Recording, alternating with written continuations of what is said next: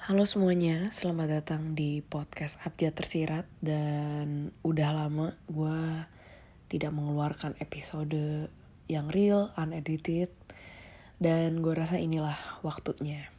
Um, di episode ini yang pasti gue mau uh, membuat episode ini untuk diri gue sendiri biar gue inget sama refleksi apa aja di hidup gue yang terjadi di umur gue yang ke-30 dan yes minggu lalu gue baru um, menginjakan usia yang ke-30 uh, apa pun yang gue harapkan ternyata tidak tidak kejadian karena gue kena covid.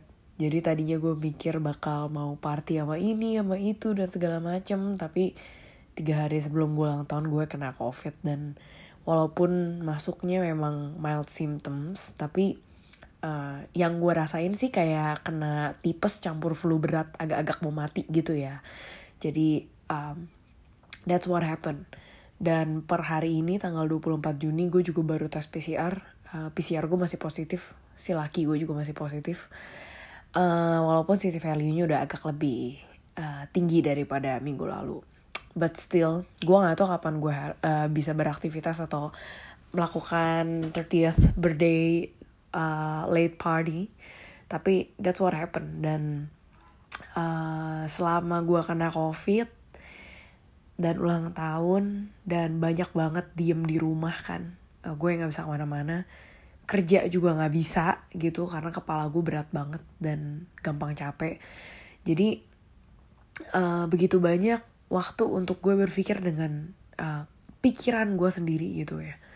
Dan um, akhirnya hari ini menjadi hari yang gue rasa tepat untuk merampung apa yang gue dapatkan. Dan mungkin biar lebih um, gampang gue bakal bikin jadi tiga poin aja ya. Biar lo juga nggak kelamaan dengernya yang pertama adalah um, kadang-kadang kita tuh kalau touch umur yang kepalanya ganti gitu ya misalnya dari satu ke dua dua ke tiga tiga ke empat kita berharap kayak something yang besar banget terjadi di hidup kita gitu.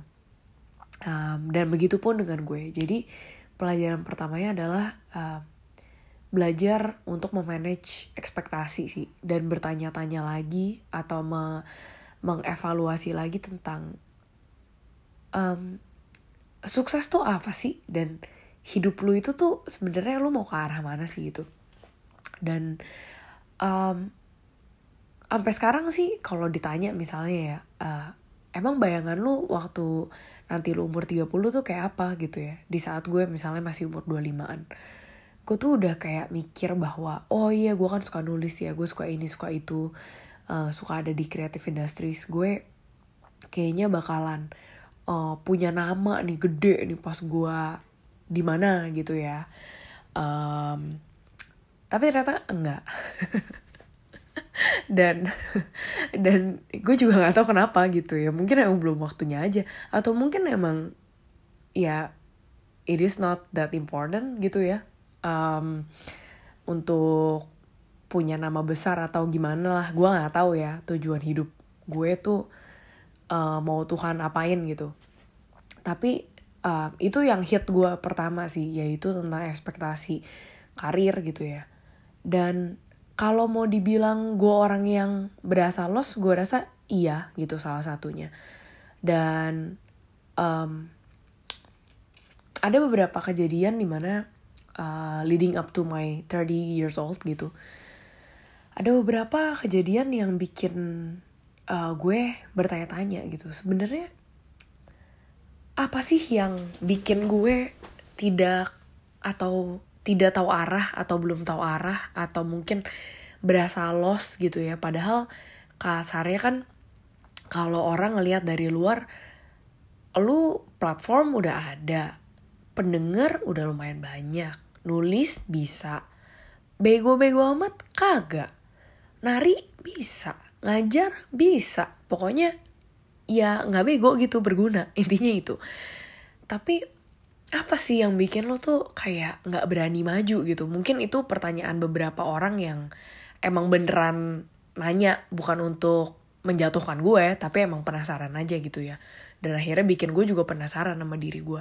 Sampai akhirnya um, pas lagi kena covid dan gue berasa kayak anjing kok gue useless banget ya? Kayak nggak ngapa-ngapain. Gue bener-bener literally cuma tidur main game doang sama minum obat gitu kayak itu tiga aktivitas gue yang paling utama gitu kan. Uh, dan gue nggak tahu ya apa yang ada di pikiran lo saat lo misalnya um, uh, punya banyak waktu sendiri untuk ngobrol sama diri lo sendiri. Tapi uh, satu sentence yang sering uh, muncul di kepala gue adalah lo tuh useless banget cing gitu. Sampai akhirnya gue udah enek banget ya sama pikiran itu sendiri dan gue mulai berasa kayak energi level gue kok makin drop ya dengan pikiran-pikiran kayak gitu gitu loh. Akhirnya gue memutuskan beberapa hari lalu untuk uh, challenge diri gue karena gue berasa kayak oke okay, umur 30 ternyata gue tanda kutipnya belum jadi siapa-siapa gitu ya. Dalam artian kayak belum ada nama yang terkenal masuk TV gitu-gitu. Tapi apa sih yang bisa gue buat di tengah limitasi kesehatan gue sekarang gitu? Akhirnya gue cuma mikir ya udah party kan gue nggak bisa. Jadi the only gift yang bisa gue kasih ke diri gue adalah jangan memperlakukan diri gue sama seperti yang udah gue lakuin selama puluhan tahun ini gitu. Uh, dalam artian ya jangan jangan ngomong yang kasar-kasar lagi ke diri lu gitu loh.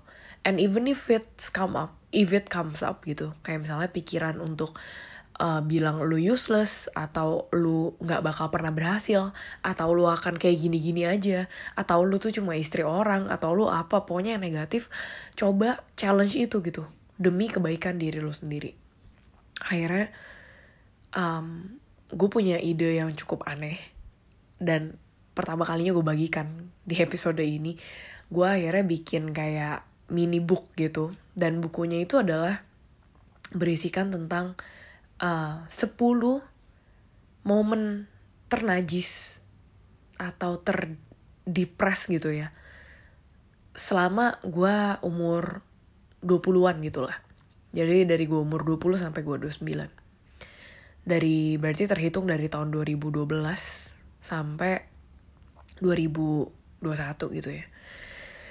Dan um, dari 10 momen itu gue akhirnya bikin summary gitu. Kayak gue mau lihat aja sih kayak patternnya apa sih yang sebenarnya bikin gue kok kayaknya apa ya. Gue tuh ngerasa setiap kali gue lagi mau mencoba untuk bikin sesuatu yang lebih besar di dalam bentuk karir gue. Gue tuh kayak ada something yang nahan gue gitu. Dan itu biasanya mental health issue gitu ya. Jadi entah itu tiba-tiba ada urusan sama keluarga gue lah atau apalah atau inilah itulah panic attack gue kambuh lah yang kayak gitu-gitu. Sampai uh, ya udah akhir dari buku itu gue cuma mikir oke okay, gue gue mau mau kenal lebih nih sama si acing yang belum pernah melakukan evaluasi tentang hidupnya selama umur 20-an gitu ya. Dan gue inget banget tiga setengah jam tuh gue nulis uh, dan gak gitu berasa karena kayak gue udah immerse in my zone. Dan pas gue baca ulang, gue kayak mikir, anjir, kayak gue dikasih lihat perspektif yang lebih besar. Gue kayak dikasih lihat dari sisi netral, kayak gue bisa ngeliat si acing yang yang jadi saksi mata gitu dari seluruh kehidupan di umur 20-an gitu dan wow, hidup gue keras ya lumayan gitu. Walaupun mungkin judulnya uh, gue udah tinggal di luar negeri dari kecil, gue pindah-pindah negara ini itu, jalan-jalan enak dan segala macam, tapi yang gue lihat dari momen gue nulis mini book itu untuk diri gue sendiri adalah ya patternnya selalu sama dari dulu. Satu tentang low self esteem, kedua tentang masalah keluarga, dan yang ketiga uh, ya tentang gimana cara gue ngomong sama diri gue sendiri yang selama ini ternyata jahat banget ya gitu. Dan what do you expect gitu at the same time ya. Uh, karena gue aja baru ngerti tentang mental health tentang uh, konsep self compassion self love dan segala macamnya accepting emotions as it is itu tuh baru tahu tuh kayak empat tahun yang lalu gitu. Atau kurang dari empat tahun yang lalu. Jadi di situ tuh bener-bener pas gue baca ulang lagi gue merasa kayak oh my god I have this compassion gitu. To this acing gitu ya. Kayak gue aduh lu cobain deh kalau misalnya lu lagi pengen review hidup lu dan segala macamnya gitu ya. Nggak perlu nunggu lu sampai nunggu 30 juga tapi try to make a mini evaluation entah itu bikin report sendiri di laptop lo atau mini book gitu ya tentang hidup lo gitu. Dan dari situ lo bisa ngeliat kayak gila lu tuh been through a lot loh. Kayak you've been through a lot. All you need to do is to just be silent aja gitu dan bener-bener dengerin diri lu tuh sebenarnya lagi butuh apa sih? Kayak secapek apa sih? Mungkin cuma perlu istirahat nggak perlu dengerin advice apa pun dari diri lu sendiri gitu ya atau dari orang lain. Dan itu yang akhirnya gue mikir gila cuy. Kalau gue hitung nih dari 2012 sampai 2000 dua-dua gitu gue tuh baru bisa bener-bener bener-bener napas dan membedah semua isu tentang mental health gue dan segala macam semua baggage di hidup gue dari dari dari umur ya dari gue memahami hidup gitu ya. Teenager itu tuh baru detik ini gitu. Baru setahun belakangan ini bahkan. Puncaknya ya pas gue cut kontak sama bokap gue ya tahun lalu gitu. Dan gue tahu kayak gue mikir wah ini ini serius gitu karena di saat itu ya seperti yang udah gue ceritain gue langsung punya suicidal thought gitu. Dan emang gue udah kasih psikolog juga beberapa kali. Um, ya udah. Akhirnya um, yang mau gue sampaikan dari ekspektasi adalah sometimes ya ekspektasi lu uh, tentang suatu pencapaian di umur keberapa itu tuh most of the time mungkin nggak nggak kesampaian ya karena ya lagi-lagi lu cuma bisa berusaha tapi lu nggak bakal pernah tahu what life's gonna throw you gitu. Uh, apa sih yang mau dikasih oleh atau dari Tuhan gitu ya untuk lu belajar di hidup ya. Lu nggak pernah tahu lu cuma bisa plan dan berharap yang terbaik. Tapi um, kadang mungkin yang pengen Tuhan mau lu capai uh, ya kalau lu percaya Tuhan ya adalah buat kasih lihat lu pencapaian itu tuh nggak perlu lu cari lagi di luar. It's all within you gitu. Yang perlu lu lakuin mungkin ya atau mungkin at least di diri gue sekarang adalah untuk gue bener-bener pakai momen yang udah dikasih sama Tuhan uh, untuk betul-betul istirahat dan uh, mengapresiasi diri gue sendiri gitu loh. Dari semua uh, hardship yang udah gue lalui ya terutama di dalam urusan keluarga. Um, pasti gue bikin salah gitu dari beberapa uh, kesulitan yang udah gue hadapi. Gue pasti bikin salah gue pasti nyakitin orang. Tapi above all gue bisa bilang gue masih detik ini mencoba untuk jadi orang yang lebih baik. Masih mencoba untuk jadi orang yang nggak victim blaming gitu. As much as gue rasanya pengen blame semua orang atau keluarga gue gitu ya. Tapi ada awareness itu aja tuh udah suatu pencapaian besar loh cing gitu. Di mana lo punya all the rights untuk nyalahin situasi aja gitu. Dan minta orang untuk berempati aja udah sama lu gitu.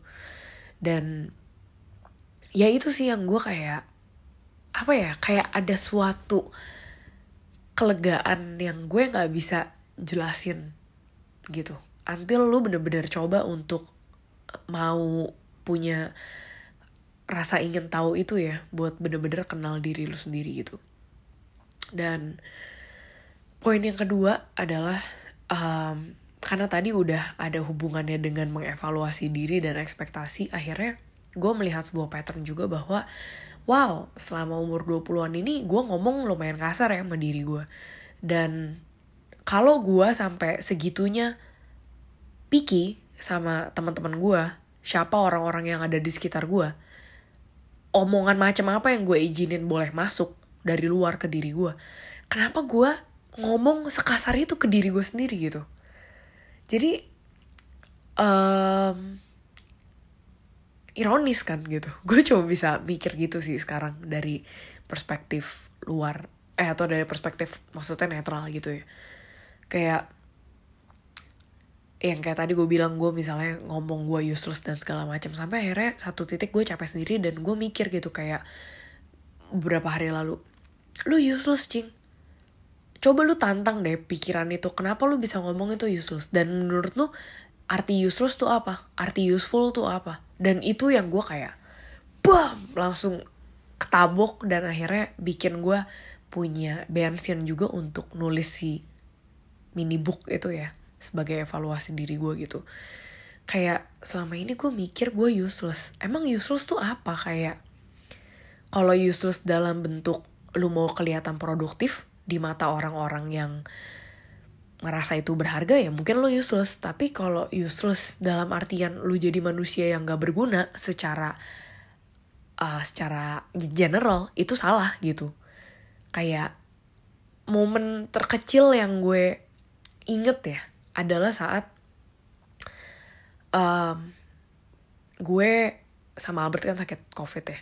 Dan uh, pokoknya Albert akhirnya gue masukin ke RS gitu. Maksudnya kita berdua memutuskan untuk ya udah deh kayak mendingan salah satu dari kita di RS at least yang satu bisa istirahat di rumah gitu loh. Jangan nunggu sampai kayak dua-duanya parah atau dua-duanya makin drop. Dan ini kan masalahnya gue juga nggak kasih tau orang rumah gue. Abis itu juga eh, nyokapnya Albert kan nggak mungkin dong sengaja menyemplungkan diri ke dunia covid di rumah kita ini lagi gitu. Jadi uh, comes to the point di mana kita mikir oke okay, siapa nih salah satu yang harus dimasukkan ke RS gue pikir nggak mungkin dua-duanya dong karena gue punya anjing dan kucing. Dan di saat itu gue akhirnya ngomong ya udah deh beb gini aja. Gue kan udah lebih uh, bisa bertahan hidup gitu senggaknya di rumah. Mendingan lu aja gitu. Karena kalau misalnya kita dua-duanya masuk um, anjing sama kucing gak ada yang ngerawat gitu dan itu tuh momen pas gue pulang ke rumah terus gue kasih makan anjing gue terus gue masih coba ajak main terus gue masih jalan sama anjing gue gue mikir gila ya bohong banget kalau gue bilang gue tuh nggak berguna. Karena di mata kucing dan anjing gue ya gue berguna banget dan gue bertanggung jawab banget gitu. Udah gue kayak mikir kayak aduh gue nggak tau deh ya lo punya pikiran kayak gini juga atau enggak kayak gue gitu. Cuma sometimes hal-hal yang bisa mengajarkan kita itu bahwa kita tuh meter itu tuh terlihat dari hal, -hal kecil gitu. Dan itu yang bikin gue kayak aduh gila. Langsung berpikir ulang lagi sih tentang ya sukses itu apa berguna itu tuh apa dan sebenarnya beneran deh what kind of life yang lu mau jalanin gitu sih. Akhirnya dari dari dari realization kecil itu gue cuma punya insight ya sekarang bahwa ya kalau orang nanya lu mau jadi apa sih cing? Gue nggak tahu gitu. Gue gue nggak bisa ngomong gue lima tahun lagi mau jadi CEO apa gitu gitu gue nggak bisa. Kalau dalam bentuk karir gue nggak bisa. Honestly I'm lost gitu. Mau orang pakai cara kasih gue ini itu gue tahu gue emang lagi lost aja gitu ya. Dan uh, alasannya apakah gue harus do something do somethingnya bukan dengan langsung apply kerja gitu. Kalau misalnya emang um, apa ya pencapaian atau sukses tuh dilihatnya dari karir gitu dari segi karir. Tapi buat gue mungkin di case ini adalah betul-betul ngebangun fondasi ulang sih tentang who I am gitu. Karena selama umur 20-an ini tuh gue nyari semuanya mostly bener-bener trial and error aja gitu. Ya pasti ada orang-orang yang ngebantuin gue gue tahu. Tapi gue tuh nggak pernah loh ada kayak momen yang di mana gue lagi berasa misalnya susah banget ya. Kayak gue inget lah banyak momen yang gue pengen banget cerita sama orang pengen banget cari bantuan tapi nggak tahu ke siapa nggak tahu gimana caranya dan ujung-ujungnya gue ngulik aja tuh sendiri nangis saya sendiri doa aja sendiri mikir aja sendiri cari buku aja sendiri.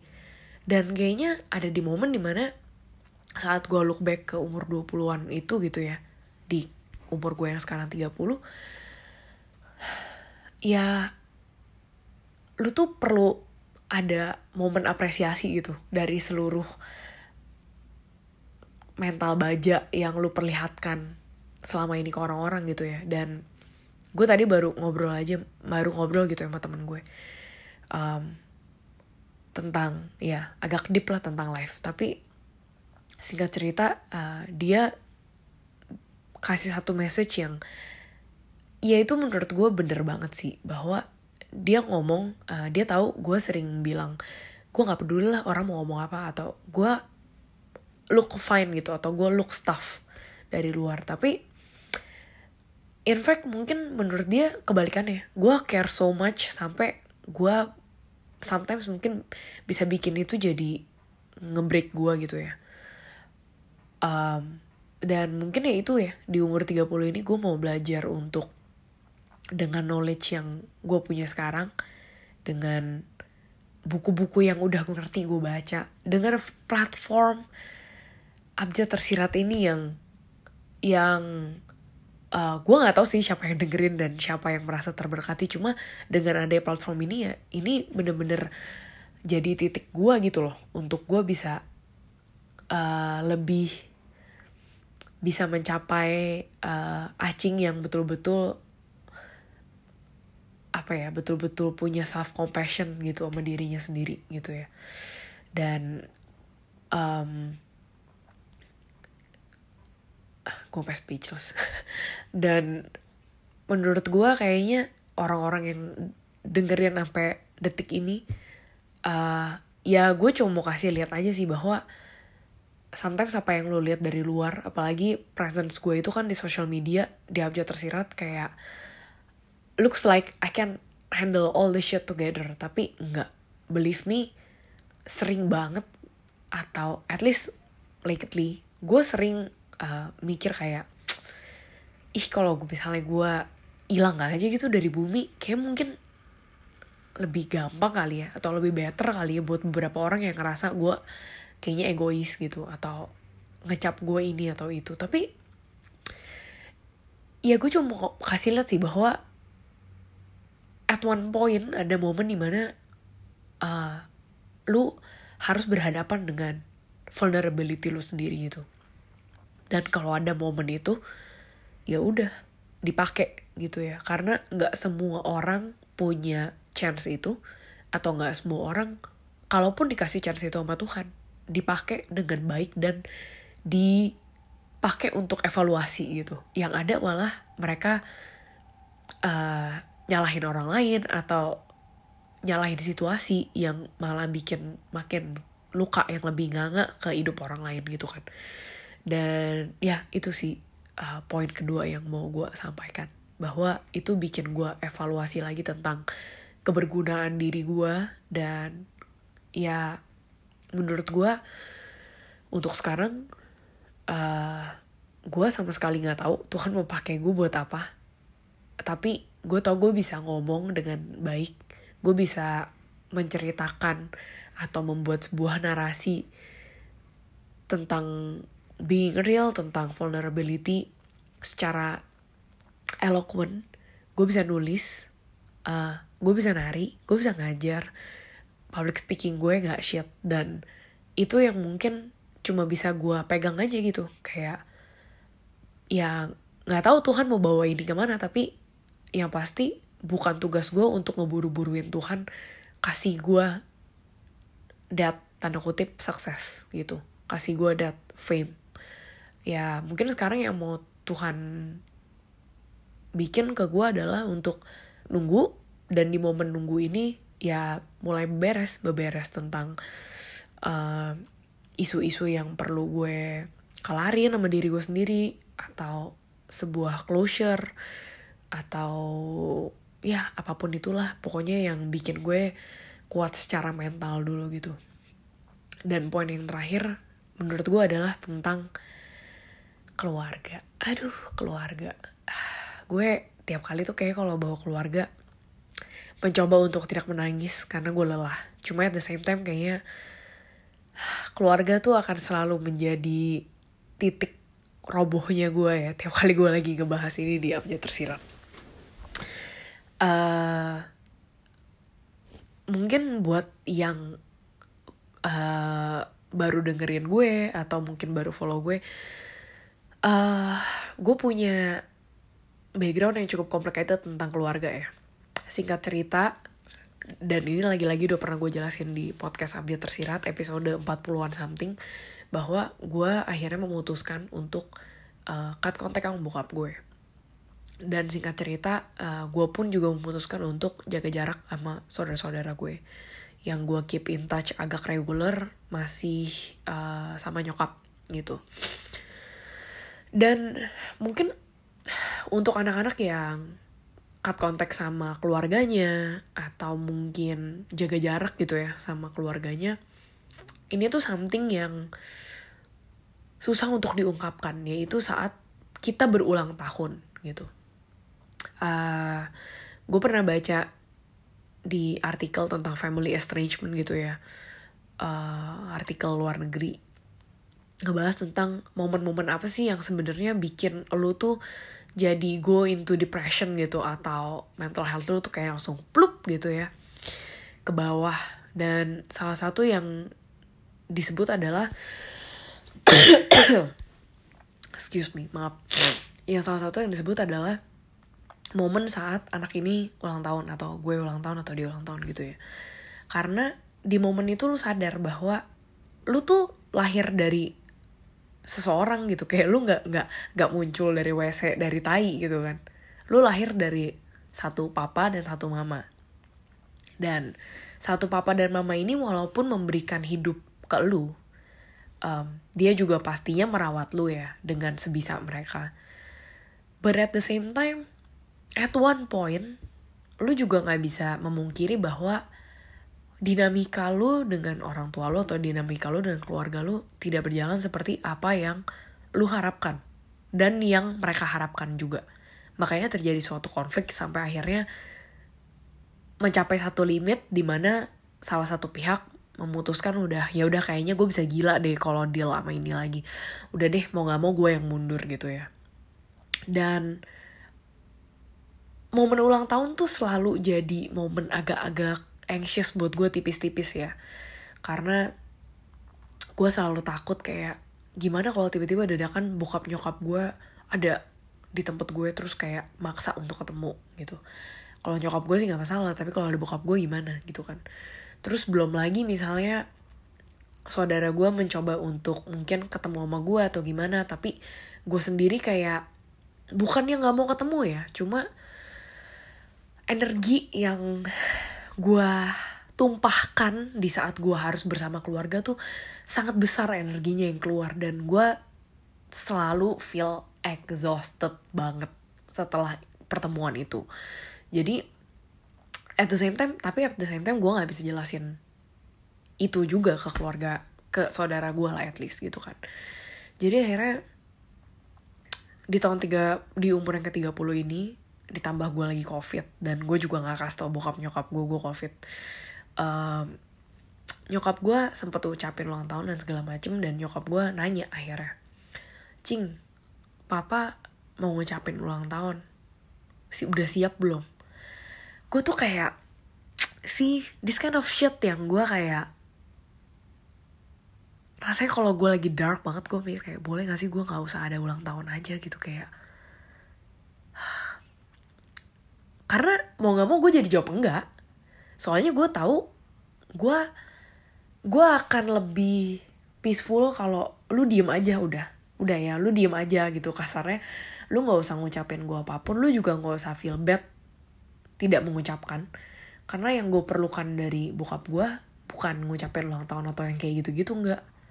Yang gue harapkan adalah bokap gue bisa berhenti sejenak ngereflek ke hidupnya dan sadar bahwa apa yang dia lakukan selama ini tuh bener-bener nyakitin orang banyak banget. Dan selingkuh itu tidak bisa dijustifikasi karena lu hanyalah pria gitu. Dan semua cowok kayak gitu nggak bisa gitu. Nggak bisa. Dan ya udah akhirnya mau nggak mau gue tolak dan abis itu gue langsung at the same time berasa guilty gitu ya. Karena gue ngerasa anjing gue anak apa sih? Kayak masa bapaknya sendiri mau ngucapin kagak boleh gitu. Itu kan dia juga yang ngasih hidup ke lu kalau nggak ada spermanya dia lu juga nggak jadi kasarnya gitu kan. Tapi kayak ya itulah itu momen-momen yang kayak akhirnya bikin gue agak spiral down gitu ya di saat gue ulang tahun. Terus ditambah hari ini nyokap gue juga uh, intinya ceritain lagi lagi dan lagi soal uh, perselingkuhan bokap gue. Terus nyokap gue kirim gue WhatsApp uh, dengan segala bukti tanda kutip bukti penemuan dia. Tapi muter lagi di sana guys. Muter lagi kayak mama kayak tahu nih mama pasti bohong. Iya terus? Kayak lu mau ngapain? Gitu toh lu juga memilih untuk sama-sama juga kan? Terus lu pikir dengan lu sama-sama ini akan berubah? Enggak juga kan? Udah 40 tahun nih kayak lu nunggu lu nunggu solusi apa lagi sih gitu? Ibarat kata kayak gitu. Dan gue tahu maksudnya gue udah pernah ngobrol dia sama nyokap ya saat kita masih waras. Uh, lagi waras maksudnya. Saat kita sama-sama bisa mikir dan bisa diajak ngobrol dengan kalem gitu bahwa Iya lu tau kan bahwa semua konse semua yang lu pilih itu ada konsekuensinya. Dan nyokap gue tahu itu. Kalau dia bertahan ya kemungkinan besar bokap gue akan begini terus. Tapi kalau dia nggak bertahan untuk keluarga ini dan dia misalnya memilih untuk pisah sama, sama bokap ya itu juga akan menjadi konsekuensi untuk namanya reputasi dia gitu. Tapi gue capek kayak maksudnya ini juga salah satu dinamika yang mungkin anak-anak yang putus kontak sama orang tuanya tuh udah capek gitu ya bahwa lu nyuruh anak lu beresin masa lalu sama laki lu gitu atau ya pasangan pasangan tanpa juga mikir bahwa ini tuh posisinya gimana ya? Ini tuh posisinya lu yang jadi orang tua lo dan kita tuh jadi anak. Lu ceritain ini tuh hanya untuk ngeluh tanpa mau kasih so, tanpa mau ada perkembangan solusi apa pun dan lu mau minta gue ngapain? Bunuh salah satu orang tuanya gitu biar masalahnya kelar. Mau gue kirim pembunuh bayaran apa gimana ini?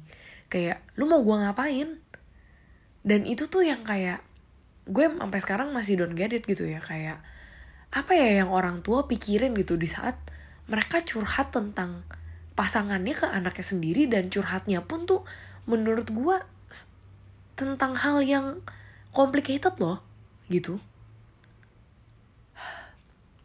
At the same time gue ngerti ya maksudnya uh, ada beberapa masalah yang mau nggak mau harus direbukin ke keluarga gitu. Orang tua nggak bisa cuma kayak bikin rumahnya kayak as if uh, semuanya baik-baik aja itu juga nggak baik. Tapi menurut gue sebagai orang tua alangkah bijaknya kalau lu throw any problems lu juga throw any solutions. Jadi jangan cuma suruh anak ujung-ujungnya cuma dengerin dan mau nggak mau ngebela pihak yang mana gitu. Walaupun misalnya pas gue konfront nyokap gue, nyokap gue cuma ngomong enggak enggak mama nggak mau nggak mau apa namanya nggak mau dibela kok atau nggak mau apa tapi kan intinya lu ngadu kan and lu somehow uh, secara nggak sadar minta gue membenarkan cara lu gitu. Dan itu tuh kayak terjadi udah berpuluh-puluh tahun dan itu gue rasa yang salah satu yang bikin anak-anak yang putus kontak atau juga jarak sama orang tua itu capek sih kayak at the same time kita mau lingkungan rumah yang normal aja nih. Maksudnya ya berantem ada tapi skalanya jangan sampai nggak sebijak itu dong gitu. Lu juga mau lu juga mau pasti deket sama keluarga lu.